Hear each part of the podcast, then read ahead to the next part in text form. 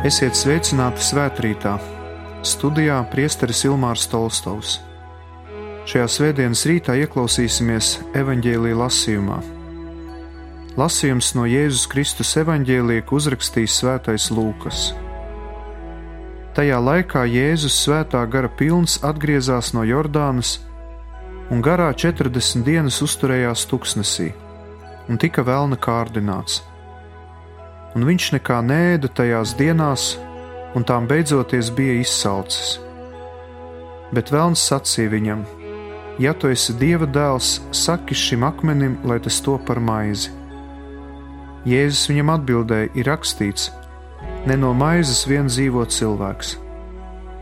Tad tas paņēma viņu un vienā acu mirklī viņam parādīja visas pasaules valstis.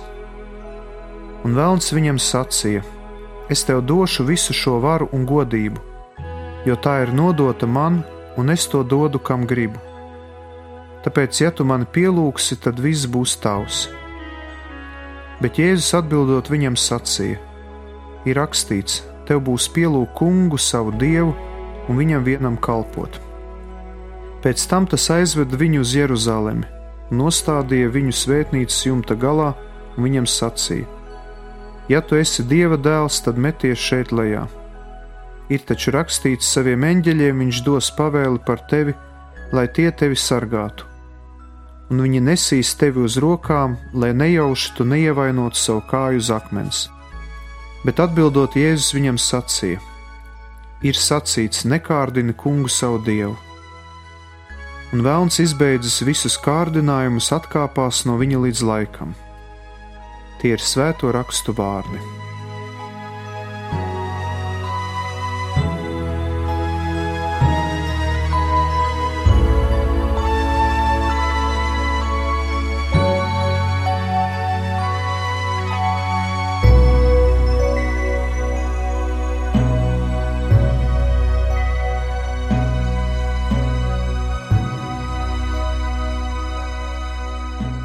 Mēs dzirdējām aprakstu par Jēzus publiskās darbības sākumu.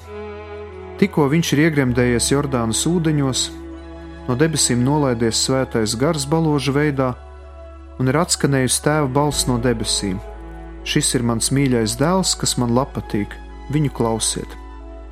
40 dienas tūkstnesī. Mēs zinām, ka 40 šis skaitlis nav nejaušs. 40 dienas bija plūdi noas laikos, 40 gadus izrēlieši pavadīja tuksnesī, un Jēzus ieedams tuksnesī vēlas atjaunot visu to, ko Ādama grēks bija pārvērtis iznīcībā. Šis tuksnes simbolizē to iznīcību, kas izveidojās pēc grēkā krišanas. Kādēļ Jēzum bija nepieciešams savas publiskās darbības sākumā doties tuksnesī? Viņam taču nevajadzēja gandarīt par grēkiem, viņš taču nevienu grēku nebija izdarījis. Pirmām kārtām Viņš gāja tuksnesī, lai būtu solidārs ar mums. Viņš solidarizējas ar visiem grēciniekiem. Viņš pats, būdams bez grēka, dodas tuksnesī, lai ņemtu visu mūsu grēkus uz sevi. Un arī lai uzsāktu cīņu ar vēlnu, ar sātanu. Un šīs cīņas kulminācija būs krusts lielajā piekdienā. Arī mēs, ja vēlamies iet nopietnu garīgās dzīves ceļu, esam aicināti darīt tāpat. Arī mēs, kas sekojam Jēzumam, esam aicināti doties tuksnesī. Marka evanģēlijā ir rakstīts, ka šo sugu, ļauno, var izdzīt tikai ar lūkšanu un gavēšanu. Sātanam ļoti nepatīk gavēnis, tādēļ viņš uzbrūk. Aplūkosim šos trīs kārdinājumus, kurus apraksta evaņģēlis, un tad mēģināsim apskatīt šos mehānismus tuvāk. Pirmais kārdinājums - Sātans piedāvā maizi. Viņš redz, ka Jēzus ir izsalcis. Viņš piedāvā maizi dieva vietā. Maize nav slikta, maize nepieciešama, lai iztiktu. Latvieši saka, ka maize ir svēta, bet maize nav dievs. Jēzus saka, es esmu dzīvības maize. Kas mani bauda, tam būs mūžīgā dzīvība. Dievs var no akmeņiem radīt Ābrahama bērnus. Dievam viss ir iespējams.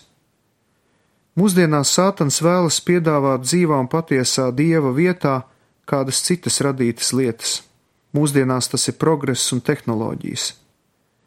Ja būs labas, tehnoloģijas, ja būs progress, tad cilvēks būs it kā piepildītāks. Bet eh, Jēzus uz pirmo kārdinājumu atbild ļoti skaidri. Ne no maizes, ne no progresa, ne no tehnoloģijām viens cilvēks dzīvo. Ir svarīgas šīs radītās lietas, svarīga maize, svarīgs uzturs, iztika, ir svarīgs apģērbs, ir svarīgas tehnoloģijas, progress, bet tas nevar aizstāt dievu. Ne no maizes viens cilvēks dzīvo, bet no ikviena vārda, kas iziet no dieva mutes. Otrais kārdinājums tā ir vara. Sātans piedāvā Jēzum visas pasaules valstis.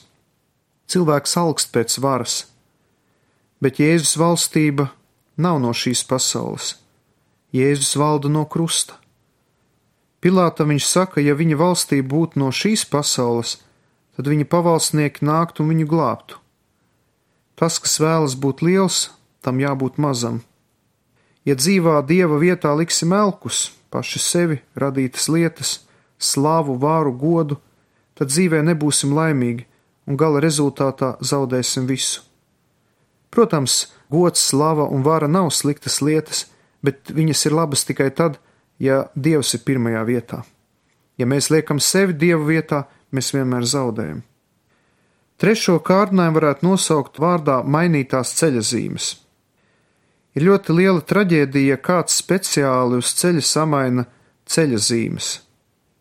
Iedomāsimies, ja pilsētā, kur rakstīts braukt aizliegts, kāds pa kluso noņemtu šo zīmi, un eh, kāds autobraucējs brauktu, un pretī brauc mašīna, un viņi satriec, un notiek smaga traģēdija. Sātans rīkojas tieši šādā veidā. Viņš nenāk kā dieva noliedzējs, nē. Viņš piedāvā labu saukt par ļaunu un ļaunu par labu. Principā tu varētu teikt, ka viņš rada vērtības sajaukumu. Viņš nāk pie Jēzus ar Bībeles vārdiem. Šeit mēs redzam, ka Sātans ļoti labi zina Bībeli. Viņš perfekti pārzina raksturvietas. Tāpēc viņš nenāk pie Jēzus kā ļaundaris, bet kā glābējs, kā pseido glābējs. Tas, kurš piedāvā Jēzum atrisinājumu, un pie tam šo atrisinājumu piedāvā ar Bībeles vārdiem. Pēc šāda paša principa darbojas arī liberālismu un sekulārismu diktatūras mūsdienās. Viņas atklāti nenoliedz dievu, nesaka, ka dievs nav, kā tas bija komunismā bet ar pseido progresu un saulainās paradīzes zemes virsū solījumiem viņi mēģina samazināt cilvēku sirdīs slāpes un ilgas pēc dieva un radīt vērtību sajaukumu. Vēl vairāk izmantojot Bībeli, izmantojot garīgos principus, ievest cilvēkus totālā apjukumā un virzīt viņus uz iznīcību. Bet mēs skaidri zinām, ka nevis dievam ir jāmainās, bet cilvēkiem.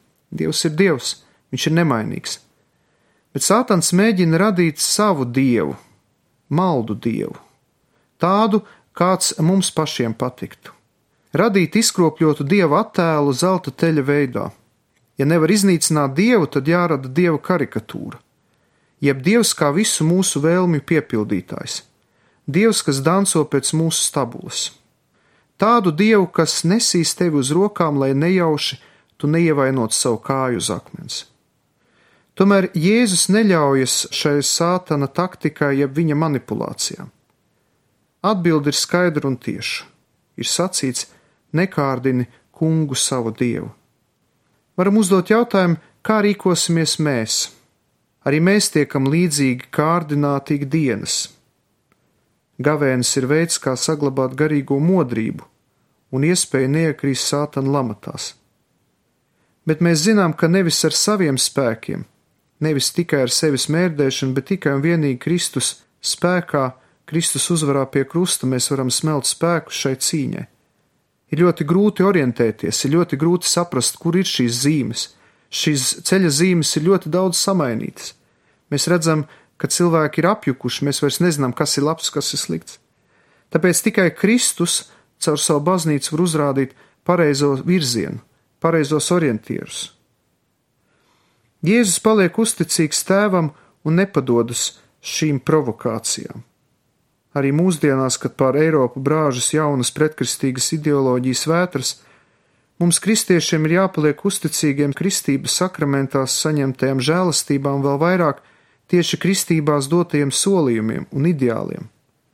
Un pat ja mūsdienās, līdzīgi kā komunistu laikos, uzrodas cilvēki, kas sludina jaunu paradīzi, Mēs zinām, ka tikai Kristū ir patiesā glābšana, un tikai viņā ir uzvara, ka tikai Viņš ir alfa un omega. Viņš tev neko neatņems, Viņš tikai dos. Un, ja skatāmies vēsturē, mēs redzam, ka tieši Kristus ir tas, kas deva Eiropai jaunu elpu. Tieši kristietība bija tā, kas Eiropai deva šo nu, iedvesmu, šo dzinuli attīstīt mākslu, kultūru, zinātni, daudz citas jomas.